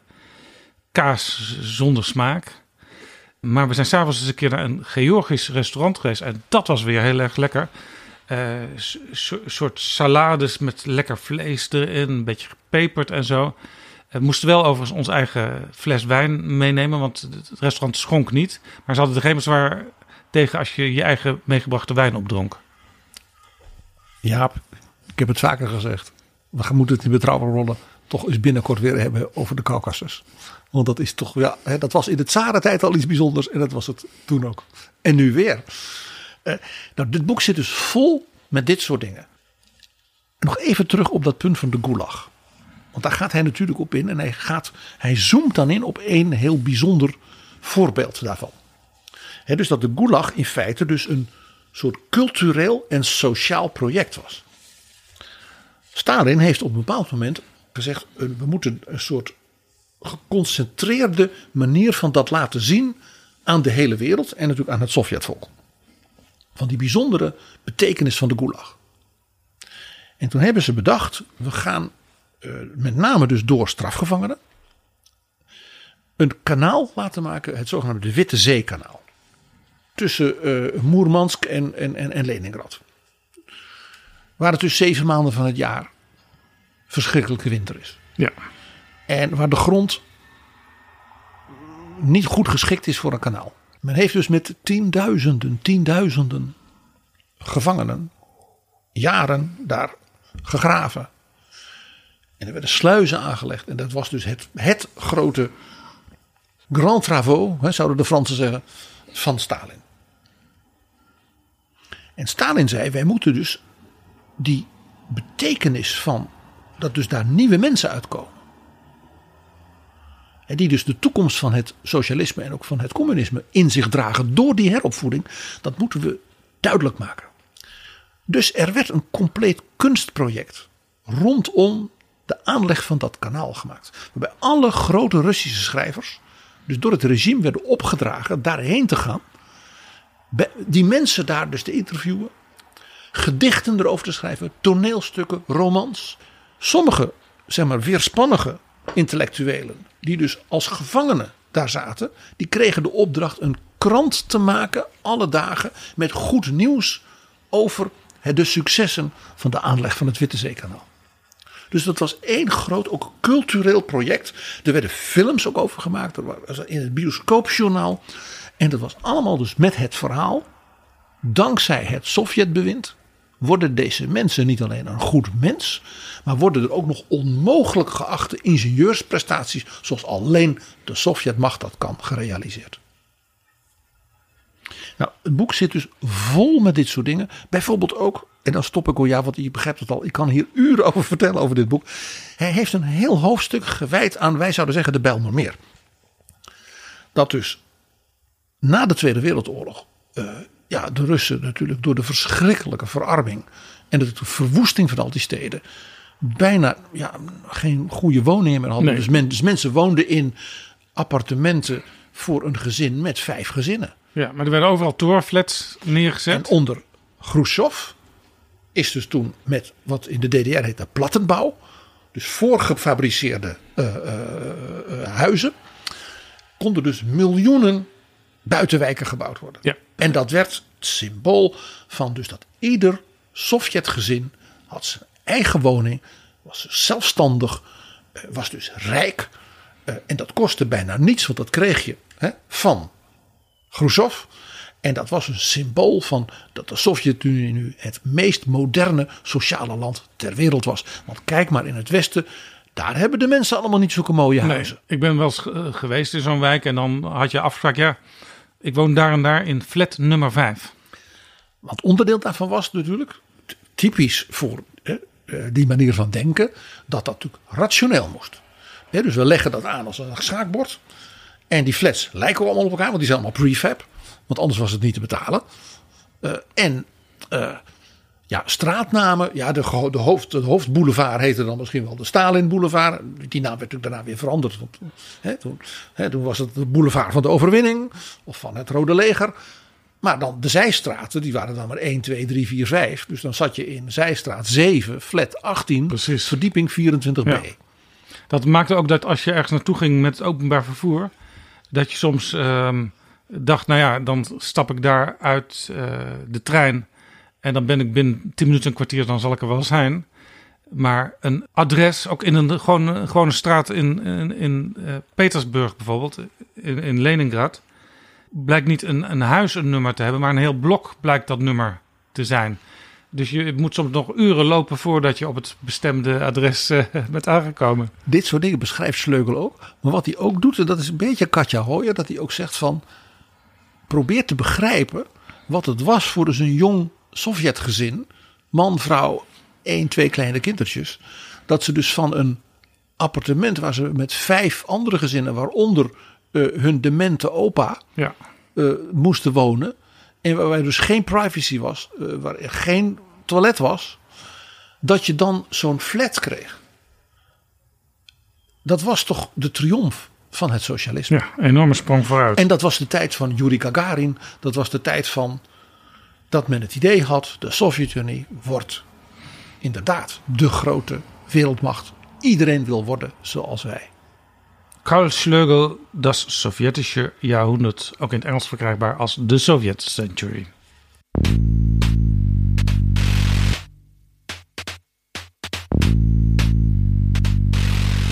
PG, we bespreken in deze aflevering zes boeken. Dat vorige boek wat we bespraken van Karl Schlegel, dat ging over een eeuw.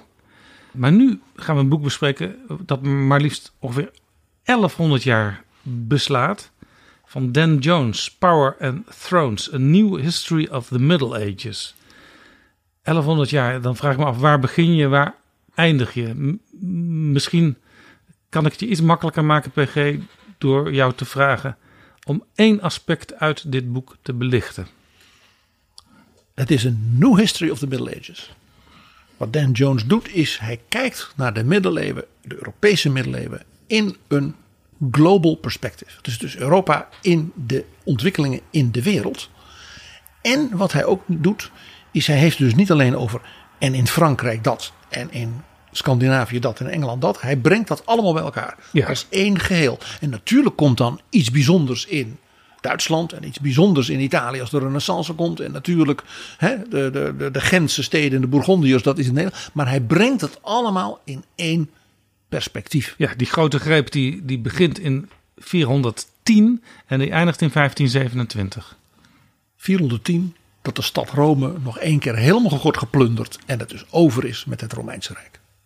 En jij daagt mij uit, Jaap, en dat is goed dat je dat doet, want anders ga ik over dit boek natuurlijk uren vertellen en dat is niet de bedoeling. Dus ik haal er één ding uit. En ik ga nu naar bladzij 436 en dan zijn we ongeveer op de helft van het boek. en dan vertelt hij, en dat hoofdstuk dat heet Scholars, geleerden. En hij vertelt dan, en vandaar zei hij dat global perspective, dat de Arabische wereld de erfgenaam was van de kennis van het oude Griekenland en Rome. Bijvoorbeeld het Huis van de Wijsheid, dat was de bibliotheek van de sultan van Bagdad. Dat was een bibliotheek met 100.000 manuscripten en boeken uit de wetenschap, de filosofie, de poëzie van het oude Griekenland en Rome. Ja, je zou zeggen, dat is ook een beetje de stijl waarin Dan Jones eh, schrijft. In de huidige tijd zou je daar het liefst het internet op willen aansluiten. Ja, regelmatig verwijst hij naar dat soort dingen in onze tijd. Dat is vaak heel leuk. Het Huis van de Wijsheid in Bagdad was dus als het ware het centraal station van een enorme spoorlijn door die hele Arabische wereld. Waarbij men dus kopieën maakte. Zo was het dus mogelijk dat in Europa, in de stad Cordoba, weet je nog dat we het erover hadden bij het Spaans voorzitterschap? Ja. Dat dat als het ware een soort outlet was van Bagdad.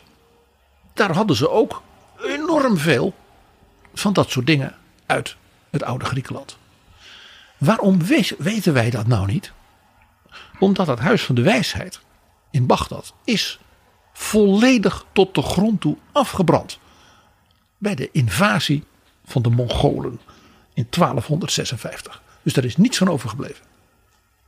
Hij beschrijft in dit boek dus ook die impact van de Mongolen op Europa. En hij zegt dit is een van de grootste cultuurrampen in de wereldgeschiedenis.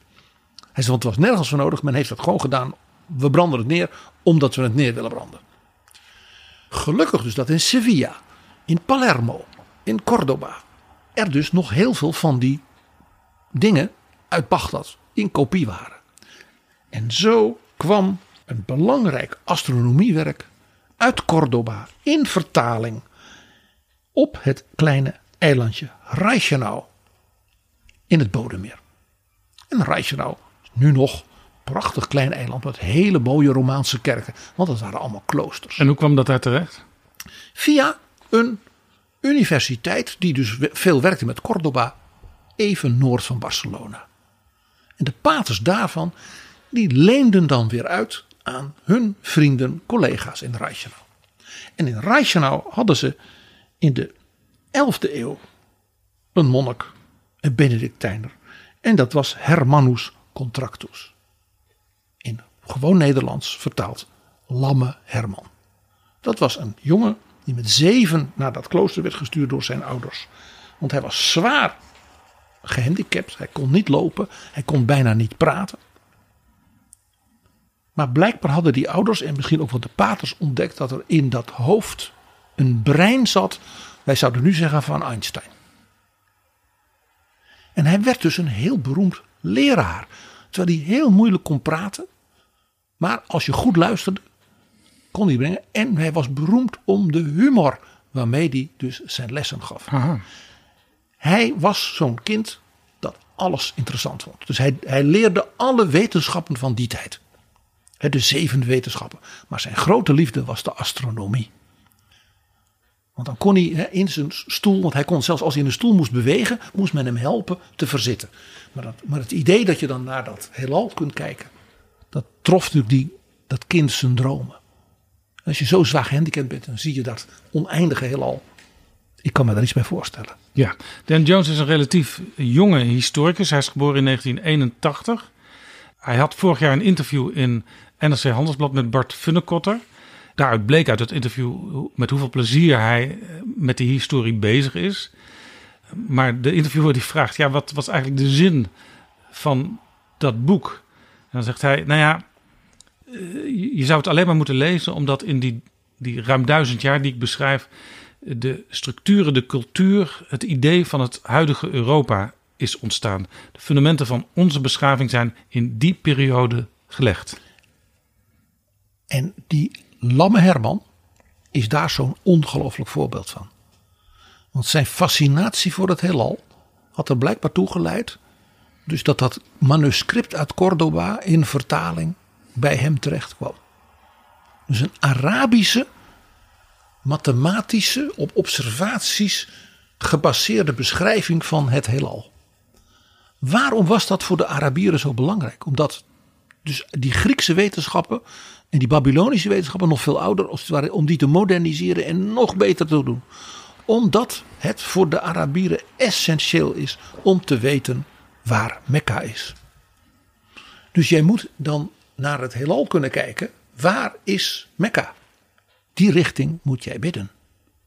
Herman de Lamme, die begreep dat als je dus mathematisch, kijkend naar de sterren en de planeten, kunt analyseren hoe de werkelijkheid in elkaar zit, dan kun je dus ook, wij zouden nu zeggen, kalenders maken voor de oogst. En heel belangrijk, dan kun je dus ook rekensommen gaan maken. Herman de Lamme heeft dus aan de hand van dat Arabische boek precies berekend hoe groot de ronde planeet de aarde is. Een zwaar gehandicapte monnik die dus dit soort sommen ging zitten maken. En hij ontwikkelde zijn variant van de astrolabe, zoals dat heette. Dat is dus het mechanisme waarmee je op aarde naar de sterren kunt kijken en meten waar is het noorden en wat, wat is waar. Die vondst van hem, hij heeft zelf, zelf gaan zitten werken eraan. Van dus dat Arabische, die Arabische uitvinding, die hij op Reichenau is gaan proberen na te maken, is vervolgens terechtgekomen bij de scheepvaart. En dat is het ding waarmee de Portugezen in de 14e eeuw konden gaan varen rond Afrika naar Azië. Dus de Europese expansie van later eeuwen, hè, aan het eind van die middeleeuwen, is dus essentieel bepaald geweest door dus een monnik op een eilandje in de Bodensee die gebruik maakte van dus de eeuwenoude kennis die via de Arabische cultuur bij hem was terechtgekomen. Ja, monniken, geestelijken, die hadden vaak heel veel informatie, omdat zij eh, meestal de bibliotheken beheerden en ook contacten met elkaar weer hadden en soms ook weer eh, stukken van elkaar overschreven. En hier zie je, ik heb het vaker gezegd Jaap, hoe ongelooflijk belangrijk voor Europa was dat er dus één taal was. Het Latijn. Dus als je zo'n Arabisch ding vertaalde in het Latijn, dan was het meteen voor heel Europa toegankelijk. De, de titel van het boek in de originele versie in het Engels is Power and Thrones. Prachtige titel. De Nederlandse titel is Van Rome tot Rome, een nieuwe geschiedenis van de middeleeuwen. Dat is toch weer een iets andere benadering. Ik heb wel eens vaker mijn droevenis laten blijken, Jaap, over de vertaling van titels van historische boeken in het Nederlands. Hoi, ik ben Alexander Klupping. Ik weet dat jij, net als ik, met heel veel plezier luistert naar betrouwbare bronnen. Maar je zou Jaap en PG echt helpen als je nu vriend van de show wordt. Dat kan met een donatie per maand of per jaar. En dan kunnen ze nog veel meer afleveringen maken en zeg nou zelf, dat wil jij ook. Dus ga nu naar vriendvandeshow.nl slash bb en doe het niet straks, maar nu. PG, het laatste boek. Dat is geschreven door Andrew Roberts. Een gast was hij in Betrouwbare Bronnen. We hebben met hem eh, over Winston Churchill gesproken samen met Felix Klos. In ons eerste seizoen was dat. En Andrew Roberts heeft ook een prachtboek geschreven over Napoleon. eh, Napoleon the Great. Dat hebben we toen ook even behandeld. Wat voor veel mensen een schok was dat hij Napoleon de Grote werd genoemd door deze Britse historicus. En nu heeft hij een boek geschreven over koning George III, die wij natuurlijk kennen van The Madness of King George. Het is weer een ongelofelijke dikke pil. Net als dat boek over Churchill en dat boek over Napoleon. De man heeft ook aan ons toen verteld hoe die ja, zijn productiviteit, hoe die dat doet. Eh, gewoon door elke dag 50 bladzijden te schrijven. Hè. Een Heel, bij een productieproces, dus eerst al het materiaal en dan schrijven. Maar heel goed geschreven. Het is geen fabriekswerk als je dit leest. Het is opnieuw ook dit boek over deze hele aparte man fantastisch geschreven. Eh, je wandelt met hem door zijn tijd. En George III is natuurlijk heel lang de langst zittende koning uit de Britse geschiedenis geweest. Ja. Pas Victoria en nu de Queen, Elizabeth II, hebben hem ingehaald. Hij heeft geregeerd van 1760 tot 1820. Ja, hij was ook een voorbeeld voor de onlangs overleden Elisabeth. Maar in de geschiedenis wordt hij toch vaak een beetje weggezet als ja, die gekke koning. Hij, die mislukt is. Hij was overigens ook bipolair, dus hij had ook echt lange periodes van gekte. Dat klopt wel, historisch gezien. Hem wordt natuurlijk ook verweten dat hij het Amerika, wat de Verenigde Staten werd, is kwijtgeraakt.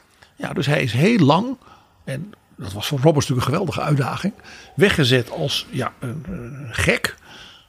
Die ook nog politiek de grootste mislukkeling is van de Engelse geschiedenis. En dan ook nog 60 jaar op die troon. Dus men heeft altijd gehad, wat moeten we met die man? Dus Roberts dacht, dat is een kolfje naar mijn hand. Hij heeft, net als met Churchill, ongelooflijk archiefonderzoek gedaan. Heel veel brieven, aantekeningen, ook van de koning in tijden dat hij dus gek was. Dat hij dus dingen opschreef, dat hij dus gewoon opschreef dat hij wist dat hij weer een aanval kreeg. En wist dat hij gek was. Heel tragische man in dat opzicht. Hij besefte dus dat hij gek was. Hij kon het niet tegenhouden. En ja, hij noemt het ook een, een, The Life of England's Most Misunderstood King. Het is ook een beetje een soort eerherstel. In de zin van dat je, je gaat als je dat boek leest een beetje van hem houden. Doordat hij zo tragisch was en zo welmenend. Hij was bijvoorbeeld heel ongebruikelijk een hele lieve vader. Hij en zijn vrouw, Duitse prinses, vonden al dat gedoe met nannies. Je, je, voedt toch je eigen kinderen op. Nog zo'n ding. Hij werd ook wel de koning boer genoemd. Hij had zijn eigen boerderij. Want dat vond hij leuk. En dan begreep hij ook beter het leven van boeren. Die toch zijn onderdanen waren. Die toch van hem afhankelijk waren. Deze koning was dienstbaar en onkreukbaar, schrijft Andrew Roberts. Maar Thomas Paine, waar we het ook ooit uitgebreid over hadden in Betrouwbare Bronnen. Uh, die schreef in zijn pamflet Common Sense in 1776 over deze koning. Uh, hij was een bezopen, domme, koppig, waardeloze, brute man. Die deed denken aan een gewone moordenaar, een struikrover of een inbreker. In Amerika is er een hele grote zwarte legende over George III. Bijvoorbeeld de Declaration of Independence. Die wordt door uh, Andrew Roberts ook helemaal geanalyseerd. Over de, wat is het, 27 aanklachten. 28 ja. beschuldigingen tegen ja. George III. Door Thomas Jefferson genoteerd. En Andrew Roberts die met gewoon satanisch genoegen bijna. Dat is een van de leukste dingen in het, in het boek. Haalt hij ze allemaal onderuit. Dat hij zegt eigenlijk niet één van die beschuldigingen klopt. Prachtig. Roberts die heeft de beschikking gehad over ruim 200.000 pagina's schriftelijke nalatenschap van de koning. Want dat was voor het eerst vrijgegeven en ook gedigitaliseerd, dus makkelijk toegankelijk. Toen hij begon met het schrijven van dit boek. Zoals hij ons vertelde dat hij voor dat boek van Churchill als eerste enige historicus de dagboeken van de vader van de Queen had mogen lezen. Die dus ook een uiterst onthullend beeld gaven over de relatie tussen die twee. Ja. Nou, dat heeft hij dus nu opnieuw. Ik denk dat hij opnieuw uh, bij het Hof, ook dankzij het boek van Churchill, als dat men dacht: we kunnen hem dit wel, wel geven. Deze uh, exclusieve toegang. Waardoor dit boek dus ook mogelijk is geworden. Deze koning is natuurlijk voor ons en voor Betrouwbare Bronnen zo interessant. Daarom is het ook het laatste wat we behandelen. Hij was in die 60 jaar de Britse vorst van dat enorme wereldomspannende empire. In de jaren van die Amerikaanse revolutie, de Franse revolutie, de Jena-Kreis, ja, Goethe, Schiller. Hij was natuurlijk een tijdgenoot van de Humboldts. Alexander van Humboldt is geboren een jaar voordat George op de troon kwam. Dus hij is een soort vast gegeven geweest in die hele periode van inderdaad 60 jaar. Van die grote Europese en wereldwijde revoluties in politiek, in cultuur, in wetenschap, in filosofie. Die tot de dag van vandaag in feite ons bepaalt. Dat maakt hem dus zo extra interessant. En daarbij, dat is wel heel knap vind ik in het boek van Roberts, laat hij zien dat de koning zelf een enorme aanjager is geweest van veel van wat daarna, zelfs in de eeuwen daarna, ja, zo'n grote rol ging spelen. Zijn liefde voor de landbouw en met zijn eigen boerderij en alles, dat was mede omdat hij zei: we moeten dus zorgen voor goed eten, voor een snel groeiende bevolking, want dat was in die tijd zo ook door dus de vooruitgang van de medische wetenschap. Die landbouw, die onderging ook grote revoluties. En daar was hij dus enorm in geïnteresseerd. Dus hij jaagde, als het ware, als koning de innovatie en de modernisering van de landbouw aan. Zonder dat was de industriële revolutie natuurlijk nooit gekomen. Die was mogelijk doordat de landbouw zo modern werd dat je minder mensen nodig had en dus industrie kon ontstaan. Dat vond ik dus een hele, heel interessant punt. Maar nog iets, hij is natuurlijk de koning geweest die in feite de moderne constitutionele monarchie is begonnen. Ja, dat is interessant. Uh, hij had natuurlijk premiers die voor hem het dagelijks politieke eh, werk deden. Maar langzamerhand eh, ging het politieke systeem meer lijken op het systeem zoals we het nu kennen. En hij is de man geweest die dus die 24-jarige William Pitt premier maakte. En hem dus steunde vele keren. Hij kwam dus lang premier en dan was hij er even weg hij weer terug in wat wij nu zouden zeggen de modernisering van Downing Street 10. Dus dat de prime minister echt de regeringsleider was. En hij was dan ook nog vaak tegelijkertijd minister van Financiën. Dat was Downing Street 11. Het was gewoon het buurhuis. En de hele manier van werken van een moderne uh, uh, politiek systeem. Waarbij de koning de prime minister steunt. En de prime minister natuurlijk uh, de koning alle eer geeft. Maar wel de politiek leider is. Dat is in feite ontstaan door die bijzondere samenwerking van deze koning. Met die heel jonge politicus waar hij vertrouwen in had. Ja, als je die moderne kant van deze koning bekijkt.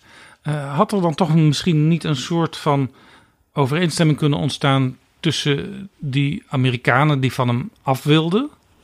Uh, ze wilden zelf eh, regeren, de Amerikanen. En deze koning. Hij had bijvoorbeeld ook gesprekken zelf met Cherokee-Indianen.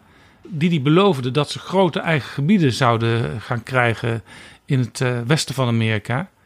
Dat zou je kunnen zien. Dat was een soort van moderne visie. Het was overigens wel zo dat de kolonisten daar niet blij mee waren, want die zagen dat ze dan uh, daar geen grond konden inpikken. Een van de redenen waarom dus men zei deze koning is een tiran, werd gezegd, is dus zijn hartelijkheid, zijn begrip voor de Native Americans. Want hij zei, die mensen, dat, dat, dat is hun land, die bossen van Ohio en zo. Hè? En ik wil, want ik, hij, hij was een hele, heel ingetogen, ingetogen, eenvoudige man was ook heel gelovig. Hij zei, ik wil dus als vorst die goed zijn naar die mensen. dat zijn wilden in die tijd. Maar die, die hebben ook, hij was ervan overtuigd dat die ook een goed hart, hart hadden. En ik wil dat ze onze vrienden zijn. Hij dacht ook van, misschien kunnen ze ook wel beschaafd worden en gelovig worden. En dat was natuurlijk de, eenvoud van zijn idee. Hij zei, maar dan moet je wel hartelijk tegen zijn. Dan moet je ze wel hun leven laten. Die kolonisten zeiden, ja wacht even. Maar elke, elk jaar komt er weer een raid. en dan worden, hè, dan worden onze, onze uh, koeien en onze paarden worden weer meegenomen. Ja, dat kan de koning wel makkelijk zeggen daar in Londen. Dus dat was een van de redenen was van de kolonisten om dus tegen de koning te zijn. Was dus zijn, zijn neiging om ja, het goed te willen doen. Andrew Roberts die zegt van laten we niet omheen draaien. De kolonisten hadden in die dertien koloniën allemaal hun eigen regering. Met een parlement dat ze zelf konden kiezen, met eigen wetgeving. En de koning benoemde natuurlijk een gouverneur. Maar dat gebeurde eigenlijk zelden zonder uh, natuurlijk uh, dat er gevraagd werd wie, wie zouden we kunnen hebben, wat voor, soort, wat voor iemand heeft u nodig. Ja. Dat, die, die kwam natuurlijk uit Engeland. Maar dat was wel iemand die dus de opdracht meekreeg. Luister goed naar het congres van de staat, zeg maar North Carolina. Ik lees nu voor wat Roberts schrijft over dus het beeld van George III in Amerika en de realiteit. During his reign, no American newspapers were closed, no popular meetings were banned, no arrests were made without trial. The fiscal measures to which the rebels had taken such exception, the tax on tea notably, were not the monarch's invention, but the will of Parliament whose constitutional rights, rather than his own personal power, George sought to defend. Hij zei: Het parlement heeft de voorrang. Als het parlement dit wil, dan ga ik als koning niet tegen het parlement zeggen: dat mag niet, want ik heb wel begrip voor die Amerikanen. Hij was dus ook daar weer dus een echte constitutionele monarch. Eén ding heeft hij wel gedaan. Hij heeft geholpen de oppositie van de Amerikanen tegen de Stamp Act. Die wet, namelijk een, uh, dat, dat je voor het gebruik van papier, en dus voor het maken van kranten en boeken, dat je daar een belasting om moest betalen aan de regering in Londen. Die werd beschouwd als een vorm van censuur om dus als kritische kranten onmogelijk te maken. Want dat was het verhaal wat men hield. Daarvan vond George dat die Amerikanen gelijk hadden. En hij heeft dus meegeholpen met, met zijn bevriende parlementariërs om die Stamp Act in het parlement ten val te brengen. Alleen kon hij natuurlijk nooit openlijk tegen die Amerikanen zeggen. Ja, het is dus tragisch hè, wat er is gebeurd. Het was natuurlijk ook aan de andere kant, laten we die omheen draaien. Een zo snel groeiende bevolking in een gebied zo ver weg. Er was ook niet een soort moderne governance te bedenken vanuit Londen op die dertien koloniën. Wat hij misschien had moeten doen, was een van zijn zonen, koning, van Amerika maken. Ja, bij wijze van spreken zoals Napoleon zijn broer koning van Holland maakte. Ja, zoiets had hij misschien kunnen doen. Maar ja, dat was, die fantasie, zal ik maar zeggen, hadden ze dus niet. Het is een hele beminnelijke man. Het is dus ook een hele tragische man. Zijn aanvallen van bipolaire storing werden vaak opgeroepen door dingen in zijn privéleven. Eh, bijvoorbeeld, hij en zijn vrouw hadden heel veel kinderen. En hij hield heel erg van zijn kinderen. En bijvoorbeeld een van de grootste aanvallen die hij kreeg, die waarschijnlijk ook ja, waar, waar hij niet meer uit is gekomen, was door de jonge dood van zijn meest geliefde tienerdochter. Dus er zit ook, ja, er zit ook een, een heel, heel tragisch verhaal in, maar dus ook van een man die gewoon ja, eigenlijk een hele lieve man was. En dat, dat is een beeld wat je in dit soort boeken over zeg maar, grote namen en vorsten van vroeger niet altijd tegenkomt. Nog een leuk dingetje, en daar wou ik eigenlijk mee eindigen, Jaap. Hij was heel muzikaal. Hij hield van muziek en speelde zelf buitengewoon goed uh. Ja, hij hield ook heel erg van de muziek van Georg Friedrich Händel. Ja, dat was natuurlijk de componist van zijn grootvader geweest, George II. Maar hij kende het werk van Händel ongeveer uit zijn hoofd en vond dat Händel moest worden geëerd in Engeland. Hij was toch onze Händel. Dan moet je even erbij houden, dat was ook politiek weer slim. Hij was natuurlijk uit het huis Hannover. Dus George I, George II en nu George III werden toch in Engeland beschouwd als Duitsers. En Hendel was uit Halle. Ja. Hendel was een Duitser. Dus door hem de nationale componist te maken. En hij werd in Engeland, en volkomen terecht natuurlijk, bemind en bewonderd en gespeeld. Maakte dat ook natuurlijk dat Koningshuis van Hannover een beetje meer Brit. Dat was dus ook politiek best slim van hem.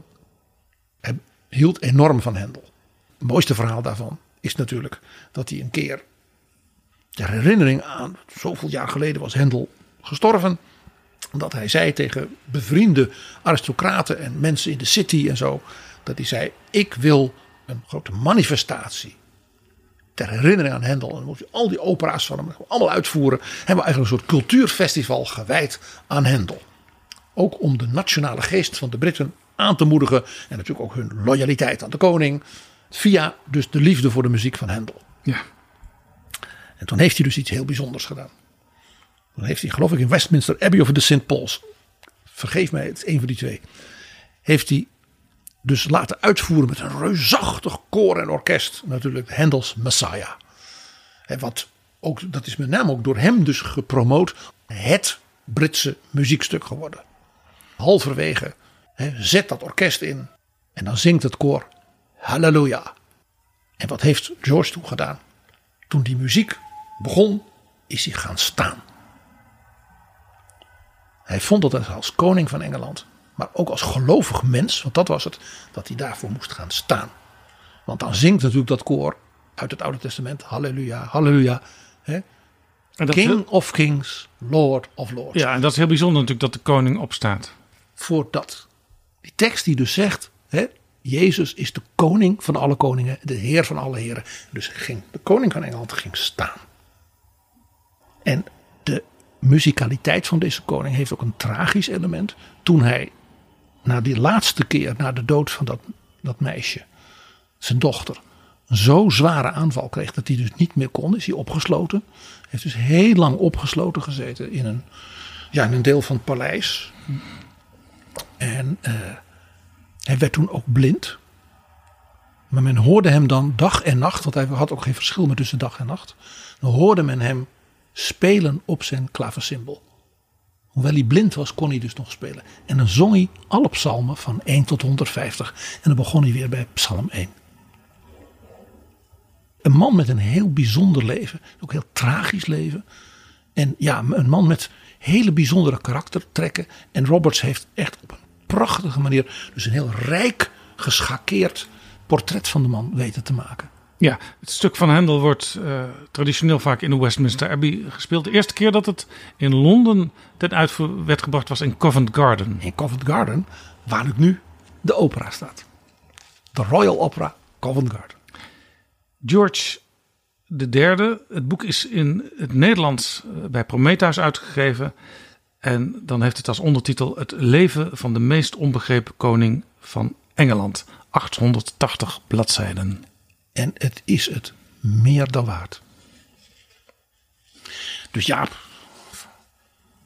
kan niet anders hè. Het Hallelujah Chorus van Hendel in zijn Messiah. En alle luisteraars van Bronnen even gaan staan.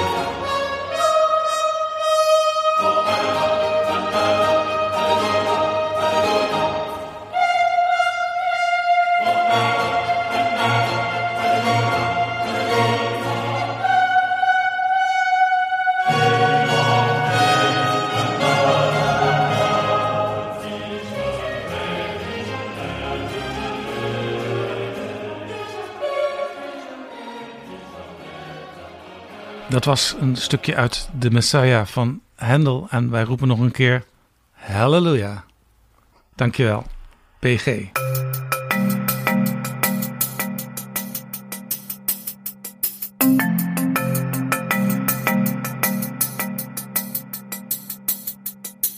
Zo, dit was Betrouwbare Bronnen aflevering 363. Deze aflevering is mede mogelijk gemaakt door de vrienden van de show en alle anderen die ons met een donatie verblijden, klein of groot. Wil jij ons ook helpen? Ga dan naar vriendvandeshow.nl slash bb. U bent van harte wel.